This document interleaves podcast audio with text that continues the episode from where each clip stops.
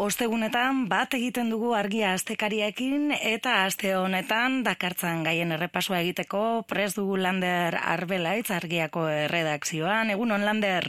Kaixo, egunon. Oikoa dugun moduan, bai, hiru gai aipatuko ditugu eta azaletik abiatuko dugu errepasoa eta azalean horrela irakur dezakegu, ez? Zazpi aurretik bati sexu erasoak egin dizkiote etxeko giroan.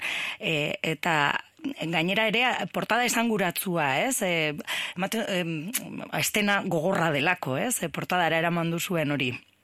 Ba bai, egia esan gaia iluna eta gogorra da, baina bueno, horrengatik beragatik emana izan diogu azala, pixkat bizibilitzatzeko, eta kontua da, ba, barruan erreportaje bat eta elkarrizketa egin degula umeen aurkako indarkeriari buruz, ez? Bertan Eider Madinak e, indako reportajean, ba, esplikatzen du, askotan umeak direla e, gizarteko elementurik aulenak, ez? Eta sufritzen dutena ezkutuan geratzen dela, eta askotan beren zenideak baldin badira erasotzaileak, ba oraindikan gehiago ez dakatelako nori kontatu ere, ez? Eta Bueno, hortik, ari horretatik antiraka datu neko beldurgarritaraino eltzeko aukera izan dugu, bai. Bai, ez, eta indarkeria hori askotan e, bat apatu egiten da, ez, etxeko gire horretan ere, ez, eta bai, bai, gai gogorra. Bai, e, ni pixkat entzuleari kokatzearen, ez, nundik ateratzen dan zazpi aurretik bati gertatzen zaiola, ze azken finean horrek esan nahi du gure inguruan, e, badaukagula jendea, hori hori gertatu zaiona, eta hemen reportajean aipatzen danez, elkarrizketa egiten dute bai bilgune feministako kidekin eta bar, eta esaten da erasotzaileak eta eta biktimak dazkagula inguruan. Ez? Eta nondik anateatzen den kopurua, ba, jartzen, mila bederatzereun da laro gehietaman lauan, Felix López, doktoriak Espainiako gizarte gaietako ministerioak eskatuta, mm txosten bat egin zuen, eta bertan jasotzen da, Kanada, estatu batuak eta Europar batasunako hainbat herrialdetan, Espainiako estatua barne, e, egin zela ikerketa bat, eta erakutsi zutela, amazazpi urtetik berako nesken euneko hogeitairu, euneko hogeita bost, alegia, lautik batek, ia, eta mutilen euneko amarrak, euneko amagustak seksu gehiagikiriak pairatu zituela. Eta eraso hoien euneko iruro geitamar, euneko laro gehi, famili giroan edo horren konfientzazko inguruan gertatu zirela.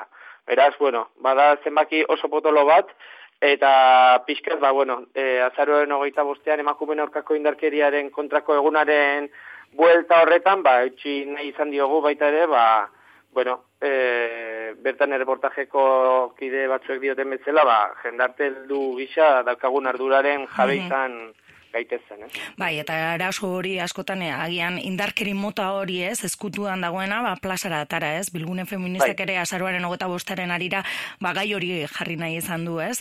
E, bestelako bai. gaiak ere badit, ba, kartza argiak, eta ez, aterako jonego irizelaia abokatu eta ehatze bilduko lehibiltzarkeari ere egineko el, elkarrizketa irakur dezakegu argian.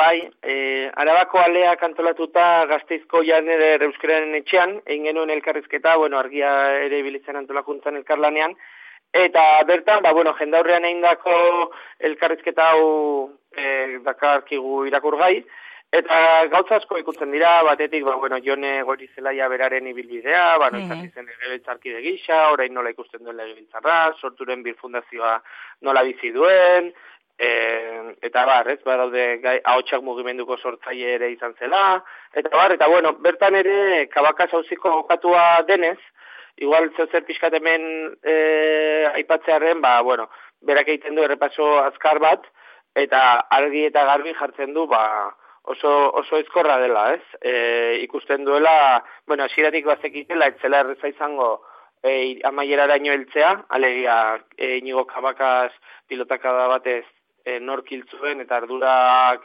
norenak diren eta bar guztiz horre paiketa batean argi gelditzea, baina e, orain ba, bueno, badaudela elemento de xente e, ez dutenak enkajatzen. Adibidez, ba, bueno, normalean ertzaintzak kamarak eramaten dituela horrelako gertera batera, eta justo egun horretan inigo kabaka ziltzuten egunean, ba, kamarak eraman zituztela, baina ez zituztela piztu. Mhm. Edo kalean kamarak izaten dira, ez? Nola kale guztiak kamaraz bete dizkigute. E, eta e, kirruli herriko taberna aurrean ere badago kamara bat. Eta normalean olako kasuetan, olako kamaretako irudiak erabiltzen dira. Ba, justo egun horretan, e, kirruli aurreko e, kamera itzalita omen zegon, naiz eta ondoko beste guztiak piztuta egon. Edo, Bueno, normalean baita ere, ba, armak, balatorroak, pilotak ikertzen direla, eta justo egun horretan, ba, ez zirela egin, ez? Orduan, bueno, holako elemento esente botatzen ditu jonek, elkarrizketan, eta azaltzen du baita, ba, fiskalak, e, normalean, galderak egin behar ditunak ikertzeko, eta ber, e, saiatzeko zegatatu zen e, ikertzen, ba, bueno, ba, ez, ez duela ikerketarako proposaminik egiten, eta ertzaintzaren defensak esaten dunarekin bat egiten dula beti, Eta, bueno, e, horrelako kontu batzuk pixkat balio diguna azkar batean ikusteko nola dagoen epaiketa, eta maieran, bueno, esaten du, e, usaitu daitekela, ba, bai. epaiketa da ez eltzea, eta hori jendeak ez lukela ulertuko, ez zeren beraik ikusten dutela, ba, daudela nahiko datu epaiketa bat egiteko, ez? Bueno, bueno. Interesgarria, segurrenik, jone goirizelaia ibilbide luzeko abokatua eta politikaria delako, eta bertan esandakoak ba, jaso dituzu ez, e, itzaldi horretan, oian, on, oian ederren egin zuen itzaldi horretan. Eta hirugarren gai bat aipatzearen, e, bestelako gai bat dakar e, larrunek, ez, e, eta bai. landu duzu ez, Euskararen e, galeran e, Nafarroa beheran, ez? Bai, bai, peio zubidiak egin du lan mardulau, egia zanik atzo, atzo irakurri nuen, eta oso oso intensgarria iritu zait. E, larrun, ba, bueno, ezagutzen ez duen ira, entzulearen zat, mm -hmm. bada, hilabetero ateratzen dugun gehigarri bat, gai monografiko batekin, eta mm -hmm. amasei horri aldeko liburuzkatxo bat da, ez? Eta peiok egin duena da, amikuse, bertako eskualde bat hartu, adibide bezala, eta bertan euskararekin zegertatzen ari den begiratu, eta bertako pare bat ere, e, pertsona oso ba, bueno, ondo kokatutakoak elkarrizkeratu, eta hortikan, ba, bueno, esplikatu zer gertatzen ari den hor, eta inkluso, ba, balio dizu, balio digu egiteko irakurketa bat, ba, behin afarroan zer gertatzen ari den, ez? Eta, adibidez, ba, datu txo bat ematearen, e, kontatzen da, ba, behin afarroan edo amiku zen bertan, ba, transmisio etena mm. egon dela, mm justo duela, e, belaunaldi honetan bertan, ez? Adibidez, mila betzireun da, laro gehieta mazeian, euneko irurogeita laua, e, zala eizkuntza ulertu eta hitz egiteko gai, euneko mm -hmm. lau, handikan amar urtera euneko berrogeita mabost, eta handikan euneko berrogeita mabi, alegia, marka bakoitzean euneko sortzi galtzen doala, ez? Mhm. Eta no, zein potentziaz bizi duten, ba, han behin afarroan ere, badagolako euskeraz bizi nahi duen jendea, eta jende horrek, bat, e, nolari diren, e, goera horri aurrera egiten, ez? Eta aldiberian ere esaten du, e, gaur egungo dat, e, datuak, e, ziurrenik, ba, igual, Benafarrokoak, Gipuzkoako datuen paretsuak direla, baina tendentzia dela garratzitsuena, eta Gipuzkoan betik gora doan einean, mm bestean goitik bera dijoala, ez? Eta, mm eta bueno, bagia esan, askotan oituta gaude euskerari buruz hitz egiten oso modu, zete zango, triunfalista baten, baina bai, Positiboan, bai, oso positiboa, dena salatuta dago, dena betik gora doa, mm. eskerrak ikastola dazkagun, eta bar, eta bar,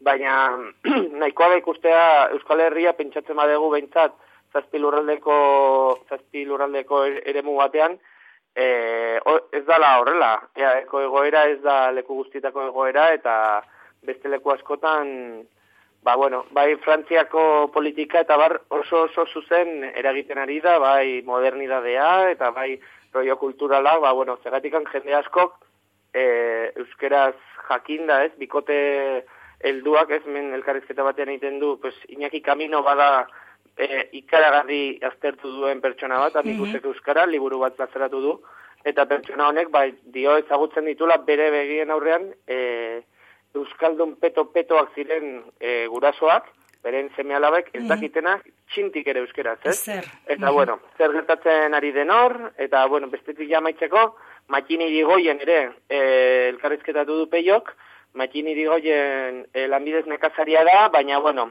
e, idazletan zerki gile ezaguna ere bada, mm -hmm. amikusteko zabalik elkarteko zuzendaritzako kidea da, eta elkarrezketa hau oso, oso gomendagarria iruditzen zait, ematen duelako euskerari buruzko irakurketa bat, nik utxitan entzun izan dudana horrela, ba, bueno, nola, nola ikusten duen, eta hauek, adibidez, orain egualdean e, modan jartzen ari diren telp tailerrak, ez? Bai. euskerari nola eutxi, eta Mhm. egoera ezberdinetan nola hauek, bena faroan ja telp tailerrekin ari ziren duela pare bat urtetik, ez? Beraz nahi du ez dala edozen jende eta Mhm. berak egiten duen irakurketa oso oso interesantea da, adibidez esaten dulako edozein elkarrizketatan e, euskerari uz, euskera hitz egiteari uzten diozun momentuan euskera hiltzen ari da, ez? Eta zuk edozein elkarrizketatan euskeran euskera egiten badezu, euskera bizi duzu, ez? Beraz, e, ze garrantzia daukan eguneroko gure borroka txikiek eta Mhm. guk euskarari espazio emateak. Bai, ez, eh, jarrera horrek, ez, eta ez amore emateak, ez? Bai, bai. Ba, interesgarria benetan larrunen e, hartu, e, jorratu zuen gaia, ez, Euskararen galeraren inguruan, e, Nafarroa beheran, baina, bueno, Euskaldun guztientzako interesgarri ziurrenik. Ba, hueseke, aipatu nahi genituen hiru gaiak, argea estekariak dakartzanak, datorren astean ere berriro bat egingo dugu argia estekariarekin, eta eskerrik asko, Lander. Oso ondo, ne, ongi segi. Bai, agur. Agur.